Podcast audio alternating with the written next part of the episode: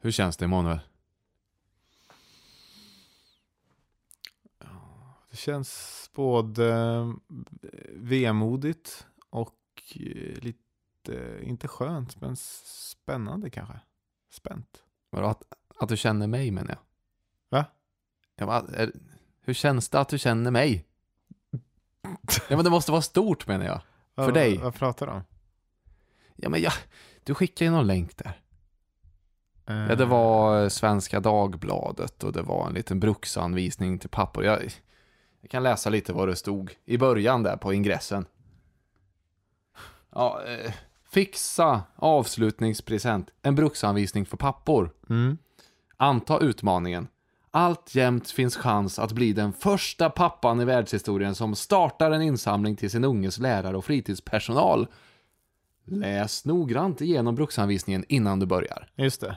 En liten rolig guide var det där för eh, pappor som är så efterblivna att de inte klarar av att göra det här. Då tänkte jag bara undra vad du känner, liksom hur det känns då när du är vän och faktiskt driver en pappapodd med, ja med världshistoriens första. Pappa som har gjort det där.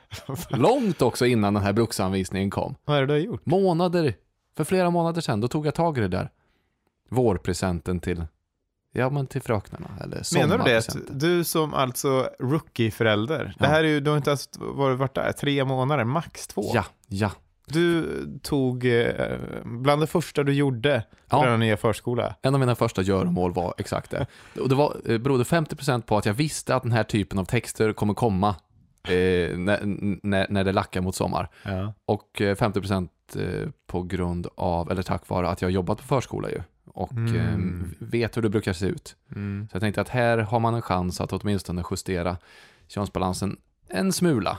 Så vad gjorde du då? Då, då tog du någon mejllista på Jag tog, alla jag tog föräldrar? någon, ja, det var ju det här som var, jag hade önskat att vi inte skulle prata så mycket om det här utan bara kanske gå vidare men för jag kontaktade då en, eh, en förälder, Ja. en mer erfaren förälder. Ja. Ja, hon var mamma. ja. Eh, men eh, för att, för att jag kände henne sedan innan. Och så eh, undrade jag hur, hur de brukade göra tidigare så. ja. Med Ja. gåvor till förskolepersonalen. Ja, precis. Mm. Och sen så sa hon att eh, ja, det var den här och den här som gjorde det förra året. Jag kan kolla om de är intresserade av att göra det igen. Mm. Jättebra, sa jag. Ja, nej, de var inte intresserade av att göra det igen. Nej. Så då föll det ju på oss två då. Jag Aha. och den här erfarna mamman. Eh, och sen blev det, det råkade bli så, det kom mycket emellan så att det var, gan- hon skickade ut det där mejlet. Jaha, ja. Och det var ju hennes telefonnummer då sen som det blev att alla swishade alla föräldrar. Så då, då hade ju ändå hon pengarna menar jag och då blev det ju, det blev ju hon som fick gå och, och köpa den där presenten. Och så, eh, ja men jag hade massa jobb. Jag hade massa jobb. Alba, det var ju igår som det skulle delas ut då. Men jag hänger inte med, så att det du säger här nu att du är tid- Ja men jag hann ju inte dit riktigt. du gjorde Det körde ingenting. ihop sig, okej? Och det blev försenat med tåget och jag satt där och väntade. Så jag tog ju en taxi va? Eh, från eh, stationen till, eh, till avslutningen. Ja, Så jag, jag fick ju en munk där, men de, de hade redan sjungit tyvärr barna och du Linda, missade... Linda tvingades och hålla ett improviserat tal. Det var ju jag som skulle göra det egentligen, när vi delade ut de här presenterna då. Ehm, Så det visste ju inte hon, det kunde ju, borde ju jag, kan man säga, ha förberett henne på kanske. Okej, men om vi sammanfattar lite då, så du var Men jag är den första pappan, första pappa i världshistorien som har gjort det här ändå. som tog kontakt med en mamma som gjorde insamlingen. Eh, Och sen missade skolavslutningen så mamman till ditt barn Mm. fick hålla talet och dela ut presenterna. Jag bad så hemskt mycket om ursäkt till den här mamman, men hon sa nej, nej, du har gjort massa, du har gjort det, lite- du satte igång alltihop. Just Då kändes det ändå bra. Du satte igång. Nej, man kan väl säga att hela den här historien, affären, har gjort att jag lärt mig en del om mig själv. Ja, In, alltså inställningen var god, initiativet var gott. Eh, det var första terminen, nästa termin är jag tillbaka så då ska jag göra banne mig alltihop. ja vi får ju se fram emot. Det får vara ett faderskapstest om vi fortsätter i höst. Ja, det här är ju sista avsnittet på den här typen av formatet i alla fall. Eh, jag tänker att det finns eh, en del att säga om det, men eh, nu drar vi igång.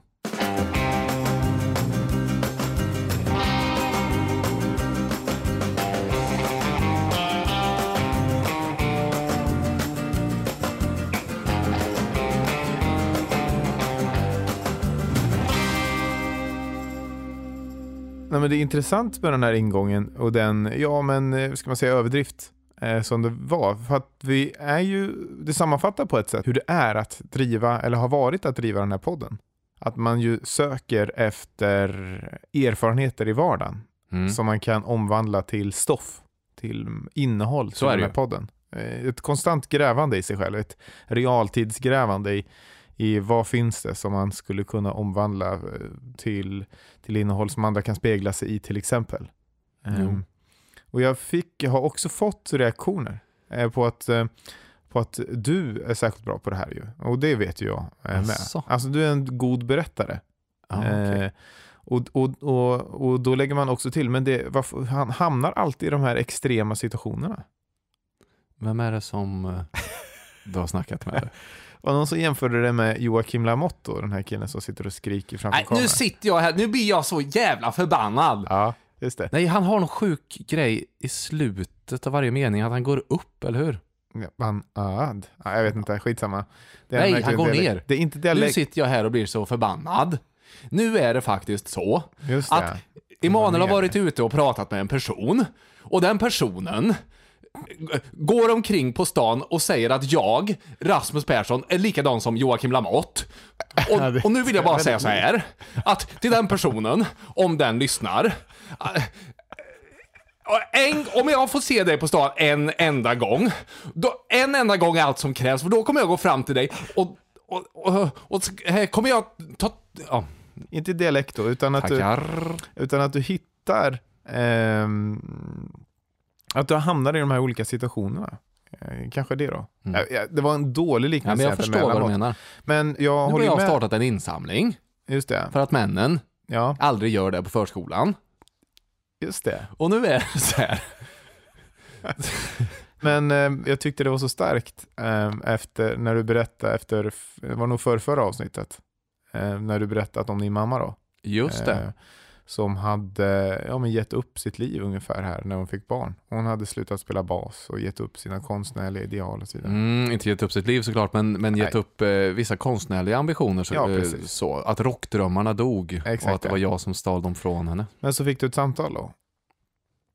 Ja, just det. Den hade jag lyckats Ja. förlägga. Nej, men det, det, jag tycker att det vore kul bara. Ja, nej men det var faktiskt, det var ganska intressant för att normalt sett så har min pappa ganska stort överseende med att våra bilder av min uppväxt skiljer sig åt. Mm.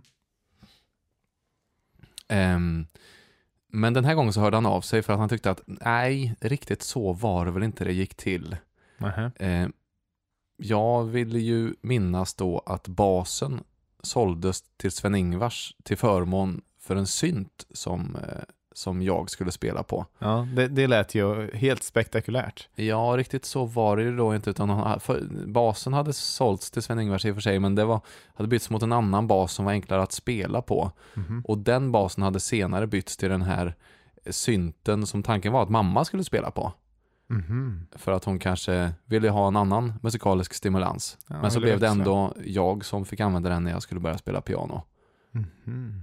Och pappas minne av det hela var att det inte alls var riktigt så att, eh, att det bara var barnåren som, som ställde sig i vägen utan att mamma var en renässansmänniska som hade så otroligt många strängar på sin lyra och egentligen ville göra allt.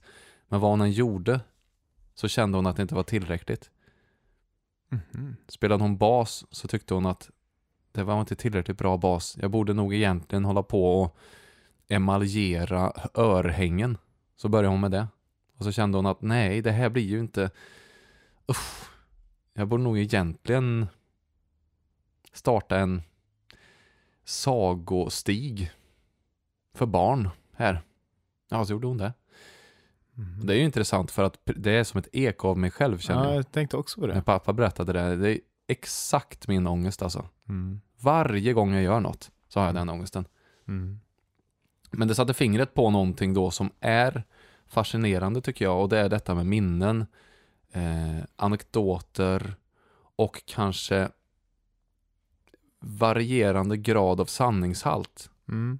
Vi är så snabba människor på att eh, döma ut den som far med osanning. Den som Mm. blir påkommen med brallorna nere. Jag tänker speciellt, alltså du minns Lars Ohlys klassiska frisering, eller hur? Nej. Nej, men när han hävdade att han hade spelat fotboll med Sven Tumba var det väl? Jaha. I Hammarby eller hur? Jag, jag kan ha fått eh, spelaren fel här men det framkom ju då ganska snabbt att han inte alls hade haft någon som helst möjlighet ens att kunna spela med den spelaren som han lite grann skröt om att ha spelat med. Mhm. Eh, och då fick han ju så, alltså han blev ju så förlöjligad och så hånad och ja, Mm. allmänt dragen i, i gruset. Mm. Jag, jag har alltid tyckt så synd om honom för det. För att vi, alltså vi är så snabba med att eh, så fort någon hävdar att den Alltså så fort någon far med osanning helt enkelt så kopplar man det till de, den personens karaktär. Eh, den personens eh, moral. Mm. Att den personen skulle vilja förhäva sig själv eller framställa sig själv i en sån otroligt mycket bättre dagar än vad den personen egentligen är. Mm. Och jag tycker att det är så olyckligt. I mitt fall i alla fall så vet jag att de flesta liksom berättelser som, som har förändrats genom åren majoriteten av fallen har förändrats på sånt sätt så jag framställs i sämre dagar. Mm. Alltså att mitt eh, alltså misslyckandet förstärks på något sätt. Och det känns som en ganska naturlig konsekvens av skammen som man känner till exempel och bearbetningen som, som görs av de här traumatiska Mm. situationerna. Men även i de fall, alltså jag, jag, vet, jag vet till exempel ett fruktansvärt genant ögonblick för några somrar sedan. Det var ingen jättestark anekdot jag drog, men vi satt på dragspelstämman i Ransäter, ett gäng. Och så berättade jag om eh, i mina ungdomsdagar hur jag gick där på dragspelstämman och det låg en man som blödde i huvudet i diket där utanför hembygdsgården. Mm. Och vi blev rädda och frågade vad, vad har hänt? Och den här mannen bara skrek Jag har blivit slay i huvudet med en busshammer! Jag har blivit slay i huvudet med en busshammer! Och hur det där blev liksom en, en fras som levde vidare på något sätt. Mhm. Som ett eko under hela vår uppväxt. Mm. Att bli slay med en busshammer. Alltså att bli slagen i huvudet Mm. med en busshammare. Och när jag berättade det här så, så sitter då Erik, min kompis, och bara Rasmus, du var inte med då? Va? Vad säger du? Jo, det var ju, vadå? Det var ju, ja, jag var ju med. Det var ju jag som sa, eller liksom frågade. Nej, du, nej, det var, det var bara jag och vem det nu var, Kenneth, som var med då. Mhm. Men du var inte alls med. Och då har jag genom årens lopp då introducerat mig själv i Just det. berättelsen mer och mer. Och det är ju för att jag lever mig in i den så mycket antar jag. Det är intressant, för att jag, eh, det, det är ju... Den är ju motsvarande Lars Ohly menar jag. Mm, just det, Lars det är det Ohly växte upp. Ja. Eh, och berättade säkert den här berättelsen för 20 år sedan på ett annat sätt. Mm. Och då var han kanske bollkalle, stod vid sidan av. Just det. Sen med åren så är det som att han lever sig in i det så mycket. Och den är så betydelsefull för den som han har blivit. Så Ja, men det blir en partyhöjare på något sätt ju också. Att kunna säga den här, de här sakerna, att man hade spelat med en känd fotbollsspelare. Det, det, det är ju roligare att säga det än att man säger att man står bredvid och höll i bollen när en fotbollsspelare spelar på planen. Jo, det är klart att det är roligare, men det är ju alltså... Och så, men jag menar att, att belöningen blir så mycket starkare då ju. Alltså när man har sagt det och man märker reaktionerna. Man märker det på bekräftelserna helt enkelt. Jo, men det är ju en av eh, anekdotberättandets eh, liksom, grundförutsättningar, alltså proximity. Det är ju det som är Mm. Det är ju, ju närmre berättelsens kärna man är och befinner sig som berättar jag, desto mer intressant och spännande är det ju för åhöraren naturligtvis. Och Mm. där kan det ju finnas en logik i att man långsamt rör sig närmare kärnan själv ju oftare man traderar de här berättelserna. Vad var det som sa det här att eh, eh, folk eh, minns inte vad du har sagt eh, eller gjort, men de minns hur du fick dem att känna. Är det inte det det handlar om också? Alltså att vi med våra berättelser vill skapa känslor. Liksom, Ja, så är det ju. Att det är det egentligen, mer än berättelserna så är det nog känslorna som är kvar här i rummet. Mm. Hur, ja, hur vi fick varandra att känna, hur de som sitter hemma känner. Eh, Det är det som gör att man biter sig kvar och lyssnar mer. Ja. ja, men precis som man ska försöka eh, ta sig tillbaks till faderskap och, och liksom poddämnet som vi ändå har Mm. och podden i sig så, så, så är det ju så att väldigt mycket som vi har pratat om handlar om våran uppväxt och våran barndom. För Mm. att där har vi bilder som, ja men som kan, där, i vilka vi kan spegla vårt eget föräldraskap. Det är Mm. det som är så starkt. Och då tänker jag att i de fallen så är verkligen sanningen inte särskilt eh, betydelse, eh, betydelsefull. Mm. För att det är ju bilden som man har som, som spelar någon roll när man eh, alltså justerar sitt eget föräldraskap eller tänker på vem man vill vara som förälder eller Ja, så. verkligen. Eh, så att jag får be om ursäkt pappa för alla gånger som du har lyssnat och känt att så där gick det väl inte riktigt till. Samtidigt så vill jag ändå påstå att det finns absolut ingenting som garanterar att din bild är den sanna heller.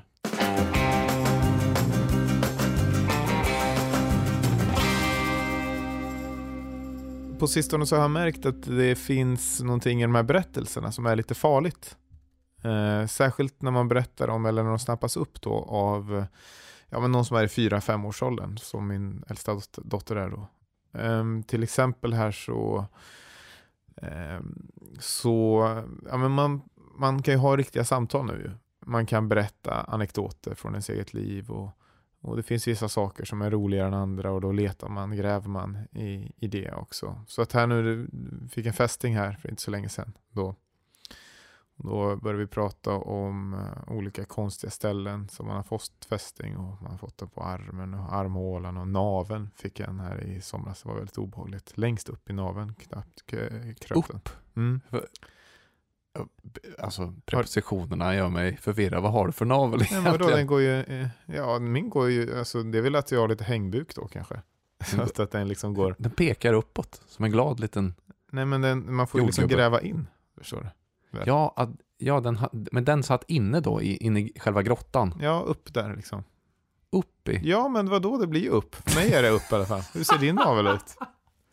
Jag vet inte, Det är en den går väl in. in? Den går väl Ja, men inåt? den är också lite uppåt. Så man fick liksom inåt lyfta. och uppåt? Ja, lite inåt och uppåt. Jaha, Den är liksom som en vik in där på något sätt. ja. ja. Det är ju ett otroligt obehagligt ställe att få en fästing Ja, det var alltså. otroligt. Men det var ändå ingenting mot då, och det var det här jag berättade för min dotter. För att här behöver man ju leta efter någon man kan chocka. mm. Att när jag var barn då så fick jag en eh, fästing på rumpan. Okej. Ehm, och eh, fick, ja den kom jag inte åt. Jag var kanske 12 eller någonting. Eh, så min, jag tror att det var min farmor som fick hjälpa mig att ta loss den då. Ja, Ja. Ja. Jag gillar, gillar starten. Det här känns Ja. jättebra tycker jag. Ja. Nej men för då så blir det ju så att det här eh, skrattar ju hon åt också såklart. Och det fick ju igång hennes tankar såklart. Hon började känna saker som vi pratade om tidigare. Alltså hon började, det här eh, fattade hon att det här, här, här har jag guld. Så när hon gick till förskolan sen då så berättade hon ju för allt och alla att min pappa har fått en fästing i rumpan. Mm. ja. Och Nej men det, det, det nämndes ju och eh, jag är ju nu mannen med fästingen i rumpan. När jag kommer så ropar de och, och vill se och... de andra barnen. det är ju det är väldigt, ja det är ja, Ja, besvärligt på ett sätt. det är besvärligt eh, läge och jag får liksom förklara för Billy att nej, men det var inte inne i liksom anus eh, utan det var ju... Ja, var Måste på du rumpan. förklara det? Ja men jag vill i alla fall, du kanske kan, jag vill ju få henne på något sätt att nyansera. Du vill ju förflytta fästingen så långt ut på skinkan som det bara går. Ja, för att jag har inte varit på förskolan egentligen. Eh, Det är ju min fru som har varit där och det är hon som hör berättelserna och får frågorna också. Är det sant att Billys pappa har en, en fästing i rumpan? Mm. Så jag vill ju att hon ska på något sätt plantera om den här berättelsen då Ja. till någonting annat. Eh, Men det vill jag ju egentligen inte. Jag kommer inte ihåg riktigt. Det kan ha varit att den var, eh, inte hela vägen in så att säga, men att den var faktiskt i själva öppningen så att säga. Det minns jag inte, men jag vill ju i alla fall att de ska eh, frisera om den. Och jag tänker då också... ehm, Visst har, nu kanske jag misstar mig, men för att jag har ju träffat eh, en av dina släktingar, jag vet inte om det är farmor eller mormor, men visst är det farmor ja, det som fan bor i. Stockholm? Ja, visst, visst. Eh, det vore ju kul att ringa upp henne och kolla om- alltså var hon skulle anse att fästingen satt liksom. Så man fick det på rumpkartan. Ska jag göra det nu? Kan man göra det? Ja, det kan vi ringa och kolla. Det är. Det är ganska roligt faktiskt. Hallå, hallå. Hallå, hallå. Det Jag är... jag är Ica, förstår du. Ja, Okej. Du, men då ska jag fatta mig kort för att jag sitter här och spelar in en podd.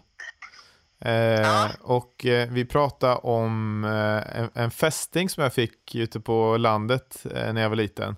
Som, Ja, som var eh, i, i- på rumpan. ja jag kommer ihåg. Och vi skrattade, jag skrattade så vi tjöt när jag skulle ta bort den, för då hade den i ändtarmen. Och låg, där, och låg där på alla fyra och jag fick stå och ta bort den där. Oj jag kommer ihåg det, ja, det, det var så kul. Ja, det var då det. Ja, Är det, någonting, är det någonting som ni har pratat om då eller? förlåt. Är det här någonting som du menar att ni har pratat om? I Ja, släkten? ja, ja, ja, efteråt har det har jag sagt många gånger. Den fästingen var det roligaste jag tagit bort någon gång. Ja, Men jag, jävlar. kanske, jag vet inte vad det var, kanske var en 10, 12, 12, 13 år, jag Ja. vet inte. Ja, jag skulle också tippa på det. Ja, ja. ja men jag skulle bara kolla om det, om det verkligen var så. Jag hade ett svagt minne av det där bara.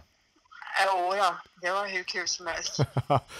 Ja, ja men Men, det, det är bra. Jag, skulle, jag ska inte störa ja. på Ica, det var bara det jag ville kolla. Ja, Ja. det är bra. Tack, tack, du hej. Billy får aldrig höra det här. Du är körd då alltså? Ja, men du är körd. Men det här- du körd det här- på förskolan. Ja, men det här, det här Pappa bekräftar ju också det just att Alltså att man, man vet ju om att det hon har fattat, och antagligen kanske det jag sagt eh, eh, var ju sant då, men jag ville ändå dölja sanningen för henne. Jag tänker på en annan händelse som hände också. Det känns som att du snabbt vill springa ifrån Ja, där, att du hade en fästning Är det någonting i, som du vill- Alltså i själva ändtarmen. hur kan det ens ha kommit...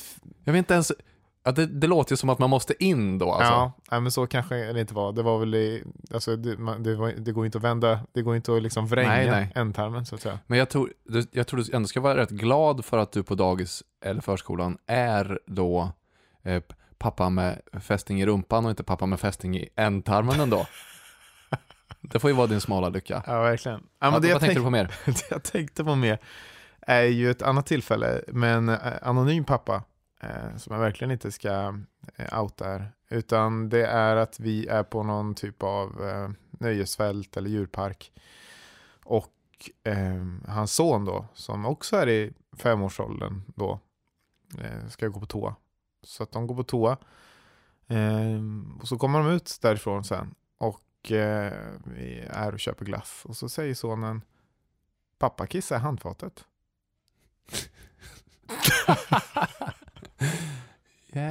Just det, det har vi faktiskt inte ens varit inne på, men barns golar, Ja, golartendenser. men det är ju det här jag tänker att min, min golar dot- alltså. dotter gör också. Hon googlar ju ner mig. Ja. Det här var ju en, en, en, liksom en rolig sak vi hade internt i familjen. Golare har inga polare om de inte är under åtta år gamla. Nej, precis. Då tvingas vi vara deras polare. Men, men eh, det som blir så tydligt då är att, att pappan eh, såklart försöker liksom slå bort det och skämta bort det. Men man ser. Här har vi en golare Ja. och hans polare så att säga.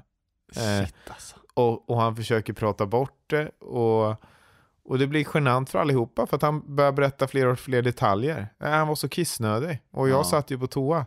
Och det fanns, det fanns, bara, en, det fanns bara handfatet då. Alltså det är, det här tycker jag är intressant också utifrån den här, det här moraliska dilemmat som vi hade för ett par veckor sedan som verkade mycket mer självklart för män än för, eh, än för kvinnor.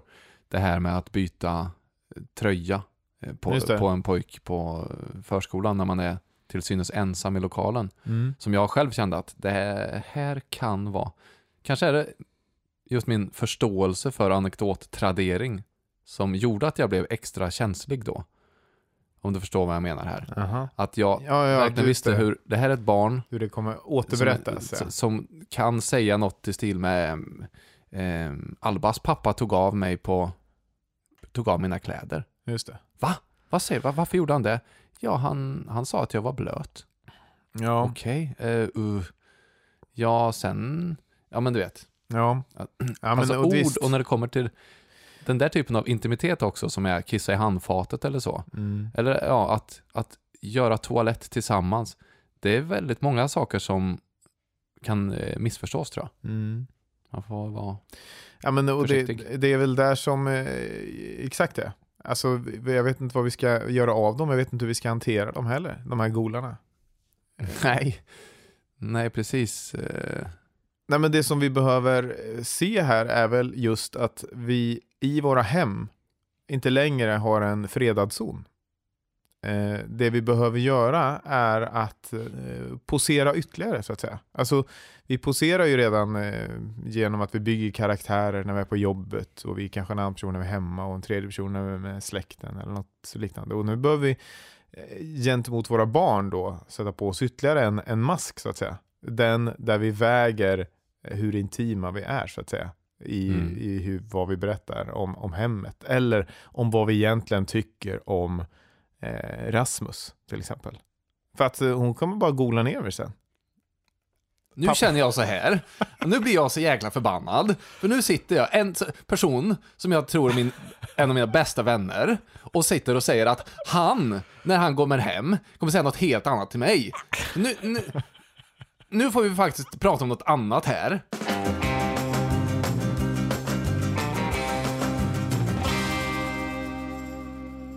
Vi har ju pratat om sekten eh, mat.se som har sponsrat oss från dag ett i den här podden. De är med oss hela vägen ju. Och vi har pratat om den här sektkänslan av att vi har förstått någonting som andra inte förstått. Och du har ju redan hallelujat över Nu eh, blir jag så jäkla förbannad. Igår så var jag ute på stan och det är fortfarande hundratals människor som går på vanliga butiker Ja. när de vet att vi har mat.se.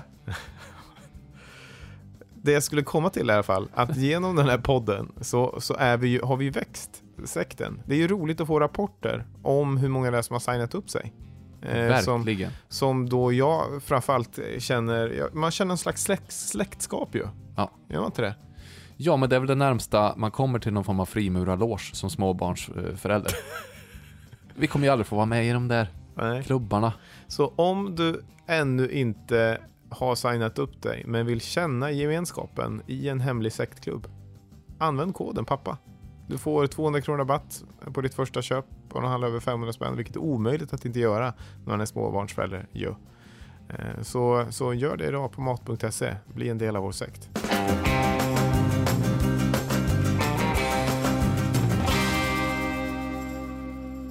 Det är ju alltså det sista avsnittet här eh, på det formatet som är kallat, ja eller som har blivit faderskapstestet. Eh, nästa gång så kommer det alltså bli ett helt, ty- ett helt annan typ av eh, innehåll. Då gör vi ju intervjuer. Eh, jag tänker att vi, bara, vi borde liksom, vi har ju ett faderskapstest eh, som vi har gett oss själva den här veckan där vi på något sätt ska knyta ihop säcken, eh, prata lite till våra eh, barn när de är äldre. Mm. Men jag tänker också att vi kanske bara ska säga någonting om tiden som har varit. Alltså du Ja. och jag. Mm. Ehm, vi har gjort väldigt mycket. Det är så konstigt med, ja men det är väl så med hela livet egentligen, men kanske ännu mer att jag känner att det har varit så med pappaledigheten. Att tiden är så, ja, jag vet inte, liksom svårgreppbar. Och ena stunden så känns det som en evighet verkligen och helt plötsligt så känns det som att det inte har gått någon tid alls.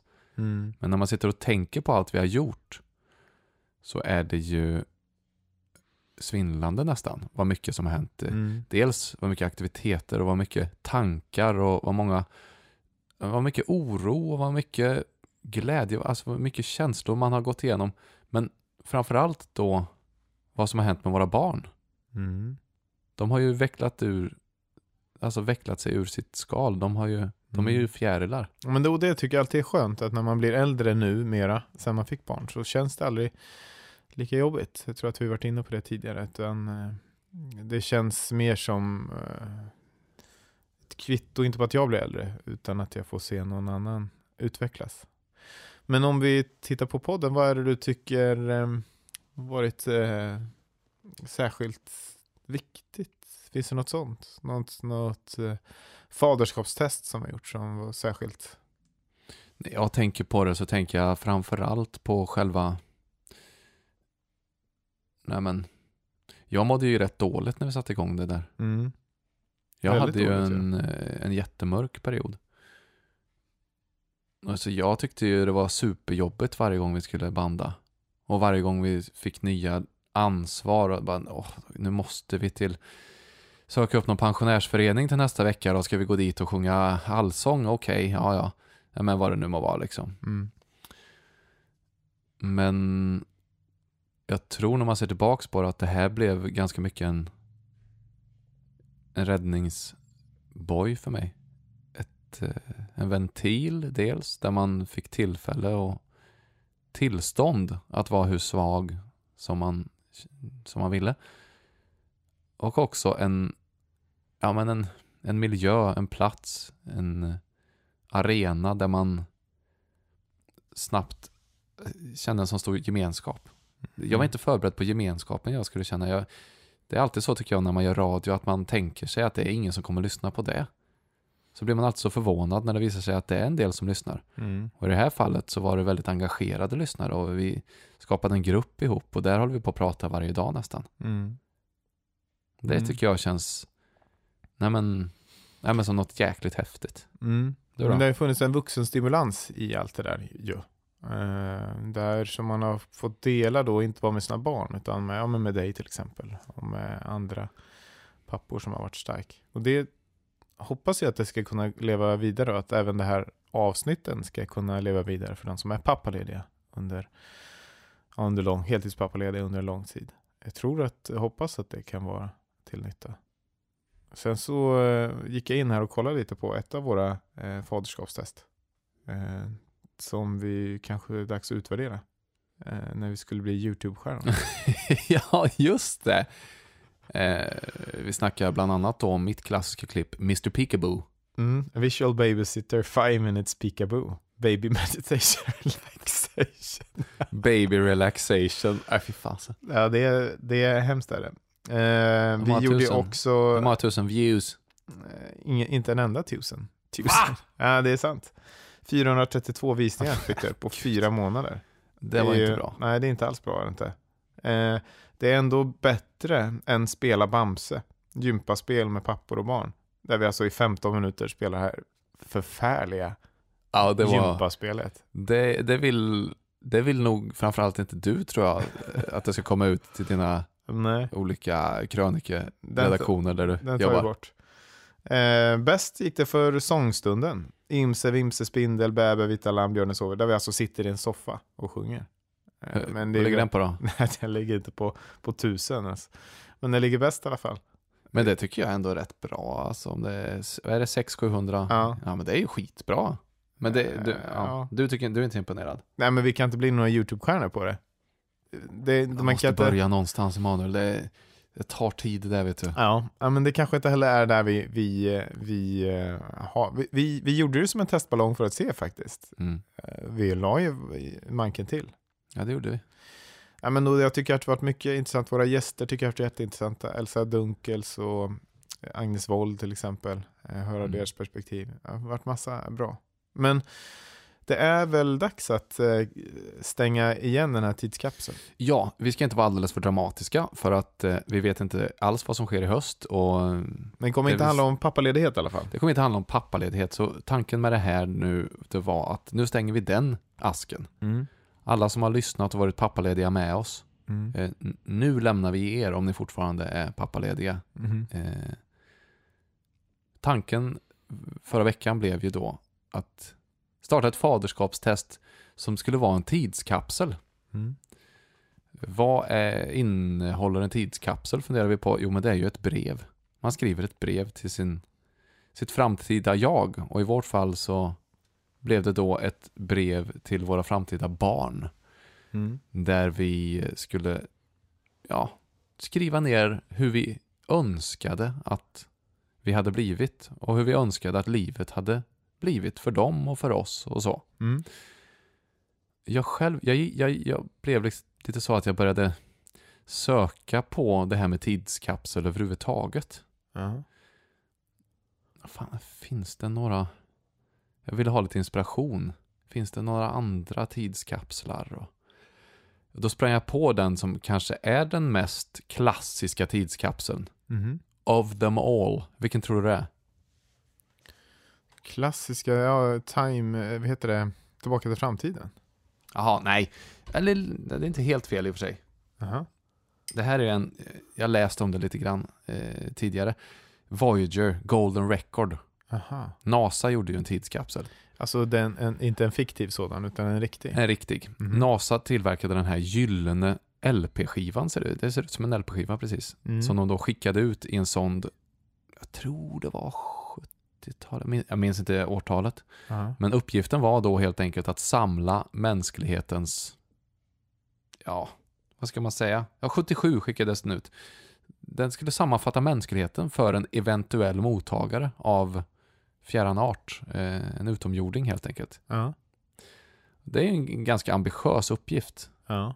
att försöka samla in då och sammanfatta. Det här var vi. Det här var våra, vår tid på jorden, alla tusentals miljoners år som vi har spenderat här tillsammans. Ja. På skivan så la man då ett antal bilder, ett antal ljud, eh, bland annat hälsningar, hälsningsfraser från nästan jordens alla länder. Aha.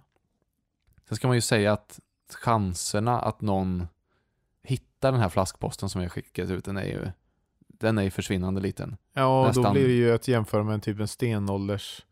Som att någon på stenåldern hade skickat ut den här då. Och så hade de fått Precis. ugga hugga och så var det liksom... Exakt. Ja. Det kommer liksom inte vara särskilt aktuellt när någon eventuellt hittar den. En Om... väldigt konstig idé egentligen. Ja, det var väl egentligen som en symbolisk handling kanske mer. Mm. Jag tror inte de trodde direkt på att någon skulle få hitta den här, men, men som en symbolisk handling och, och som en liksom global ja, vad ska man säga, ett glo- globalt initiativ så kändes det häftigt då att försöka samla ihop allt och det här är vi på något Mhm. sätt. Mm. Och det jag fastnade för det var låtarna, för det var då en antal, ett antal låtar också Mm. som skickades med. Det här är jordens musik. Det har fått rätt stor plats på skivan, musiken. Mm. Och då är det ju rätt mycket klassisk musik. Mm. Det är en hel del folkmusik från olika delar av världen. Mm. Och sen så är det några mer alltså, populärkulturella artister som Mm. eh, har fått ta, ta plats då. Och det var en som jag fastnade för. Det är Blind Willie Johnson. Jaha. Känner du till honom? Mm. Gammal bluessångare ju. Föddes 1897 i den amerikanska södern. Och han hade ju en jädra uppväxt alltså. Där kan man snacka om uselt föräldraskap på han. Hans, eh, eh, hans mamma, biologisk mamma, dog som, eh, som treåring. Och hans pappa träffade en ny kvinna då. Mm. Som eh, grälade massa. Och han blev ju blind efter att hans styvmor hade kastat lut i ansiktet på honom. Efter att ha då eh, anklagats av pappan för otrohet. Det blev ett jäkla gräl där och som då slutade enligt sägnen om att eh, med, med att hon kastade det här lutet i ansiktet och gjorde honom blind. Och då tänkte jag när jag läste om detta att där finns det en tröst. Där finns det en föräldraskapströst på något sätt. Att ett barn som har haft det så, alltså så usla föräldrar. Som har haft ett sånt kämpigt utgångsläge reser sig med sin funktionsnedsättning, lär sig spela gitarr,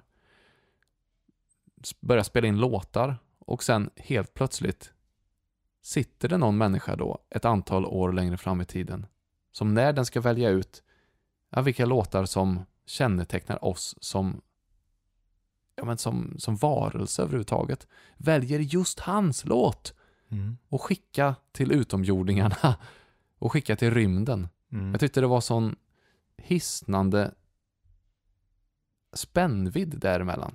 Mm. Och jag känner att ofta i den här podden så har man våndats över att man tycker att man inte räcker till som förälder. Mm. Och att man har varit rädd för att man inte ger sitt barn de allra bästa förutsättningarna. Mm. Och att någon granne gör det ännu bättre än en själv. Mm. Och då tänker jag man kan minnas Blind Willie Johnson. Och komma ihåg att det, det handlar inte så jäkla mycket om vilka vi är och hur bra vi gör si och så. Det är våra barn som är skatten här. Mm. Och de, de kommer klara sig ändå. Så Fint. min, min, min, min tanke Mm. blev då, när vi nu ska göra en tidskapsel Vi, vi ska ju läsa upp vårt brev. Mm. Men vore det inte fint att läsa upp det till tonerna av Blind Willie Johnson och den låten då som befinner sig någonstans ute i rymden just nu Mm. på den här gyllene skivan? Så den här, det här blir våran tidskapsel, det här blir vårat hej då. Det här blir vårt hej då till, till våran föräldraledighet. Mm. Till tonerna av Blind Willie Johnsons Dark was the night, cold was the ground. Mm. Vårat brev till våra barn. Och också våra tack till er som lyssnat, får vi väl säga. Det här blir det vi säger adjö med. Vårat eh, tackbrev i en tidskapsel för en tid som ni har varit med och fyllt.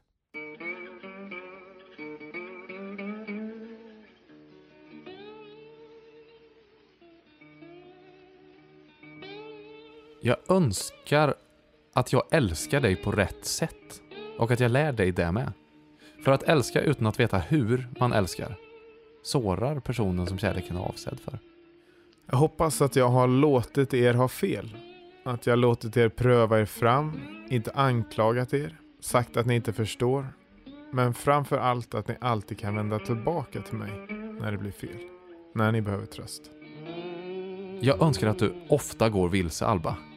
I de värmländska granskogarna, bland låtarna på Spotify, i känslornas egna arkiv. För människor som aldrig går vilse, de känner snart bara till sin egen trädgård. Och lika gåtfullt och oändligt som universum är, så är också vårt inre. Det enda sättet att hitta rätt är att gå vilse. Jag hoppas att jag har visat vad förlåtelse är. En förlåtelse som inte förringar det som hänt, men en förlåtelse som alltid vill framåt, vill bättre, gör bättre. Jag hoppas ni får det från mig och att ni ger det till andra. Jag önskar att du inte glömmer att drömma. Själva drömmen är ju halva sträckan till vart du än vill. Och om du inte vill någonstans så är det ändå härligt att fantisera. Jag hoppas att jag har varit närvarande, även i det som jag inte förstår, även i intressen som ligger långt bortanför mig. Hjälp så jag hoppas att ni... Hjälp så jag hoppas... Hjälp så jag hoppas att jag aldrig tycker mig stå över det som intresserar er. Att ni känner att jag alltid står vid sidlinjen och hejar på, oavsett vad ni väljer att göra. Jag önskar att din sångröst alltid är lika stark som den är nu. Och att du aldrig saknar sånger att sjunga. Sjung bara, det spelar ingen roll vilken sång. Jag hoppas och önskar såklart att ni fått självkänsla. Jag är helt övertygad om att ni kommer ha massor av självförtroende men jag hoppas verkligen att jag också kunnat bidra med självkänsla. En sån som inte bedöms i prestationer utan i vilka ni är. Att ni alltid känner att ni räcker till genom att bara finnas. Att jag alltid lyckas få er att känna er älskade, värdefulla. Jag önskar att du vid varje tillfälle, och tro mig, det kommer bli många, där du tvingas välja mellan anständighet och njutning, alltid ser till att välja njutning. I mitt liv har jag inte ångrat en enda pralin, men alla de där gångerna som jag var för blyg för att dansa tryckare, om jag ändå kunde få tillbaks dem. Jag hoppas ni aldrig blir tvärsäkra, aldrig tror er ha nått fram eller är klara. Jag hoppas att den insikten ger ödmjukhet för andras ord, tro, åsikter och tankar. Alba, jag önskar att du förstår att våra rädslor är torra som fnöske. Att allt som krävs för att de ska ta eld är en liten, liten gnista av mod. Och att den branden som uppstår då kallas för motstånd. Den branden kan förtära allt, Alba. Värna rädslan, vårda den och spara den och sätt bara eld på den när det behövs. Jag hoppas ni får vänner som älskar er, som ifrågasätter er, som lyfter er, som är lojala och som hjälper er förstå att livet inte är något att vinna utan att dela med andra. Jag önskar att du förstår att ingenting är sant. Att vad folk än vill lära dig, så vill de lära dig det ur sin egen kontext. Allt vi har är vanor, överenskommelser och kompromiss. Och det låter kanske hemskt, men egentligen är det tvärtom. Det är själva definitionen av magi ju. Vad de än säger, lita inte på dem. Allt, precis allt, är faktiskt möjligt. Jag hoppas att jag har lyckats skydda er från min värsta cynism. hjälp så jag hoppas det. För jag vet ni kommer känna av min disträ cynism. Jag önskar att ni kommer omfamna världen och de känslor som den ger er. Att ni kan släppa garden, bära hjärtat i handen ibland, ta in all den skönhet som finns omkring er. Jag önskar att du känner frihet att pausa. Att du vågar stå inför myllret av notiser och ändå säga nej. Inte just nu. Inte just mig. Och att du på samma sätt känner tillfredsställelsen i att kunna välja en sak i taget och hänge dig helhjärtat åt just det. Utan tillstymmelse av dåligt samvete för allt du därför väljer bort. Jag hoppas att jag vågat visa er känslor. Att ni ska känna att jag är oförställd med ett brett register, inte bara på insidan utan också utåt. Jag hoppas jag vågar vara blödig, stark, ledsen, kärleksfull, innerlig. Jag hoppas att ni känner att jag är och har varit ärlig mot er. Jag hoppas du får föda någon som är lika komplex och trolsk som dig själv. Och att du får samma privilegier som jag har fått. Att se ditt barn i ögonen och ärligt säga Du är trygg här. I den här världen. Du är trygg här hos mig. Jag hoppas att ni känner att ni bottnar. Om det bara är någonting jag hoppas är det. Att ni bottnar. Att hur djupt vattnet än känns så kan ni alltid leta med tårna och känna att där nere finns en botten att stå på. Jag kommer ha kämpat för att det ska vara en botten av kärlek, förlåtelse, förståelse, trygghet och mod. Och får ni bara en fot på den där botten så vet ni var ni står. Var ni är. Vad ni vill. Vad ni kan. Då kommer det inte spela roll hur stormigt vattnet än är.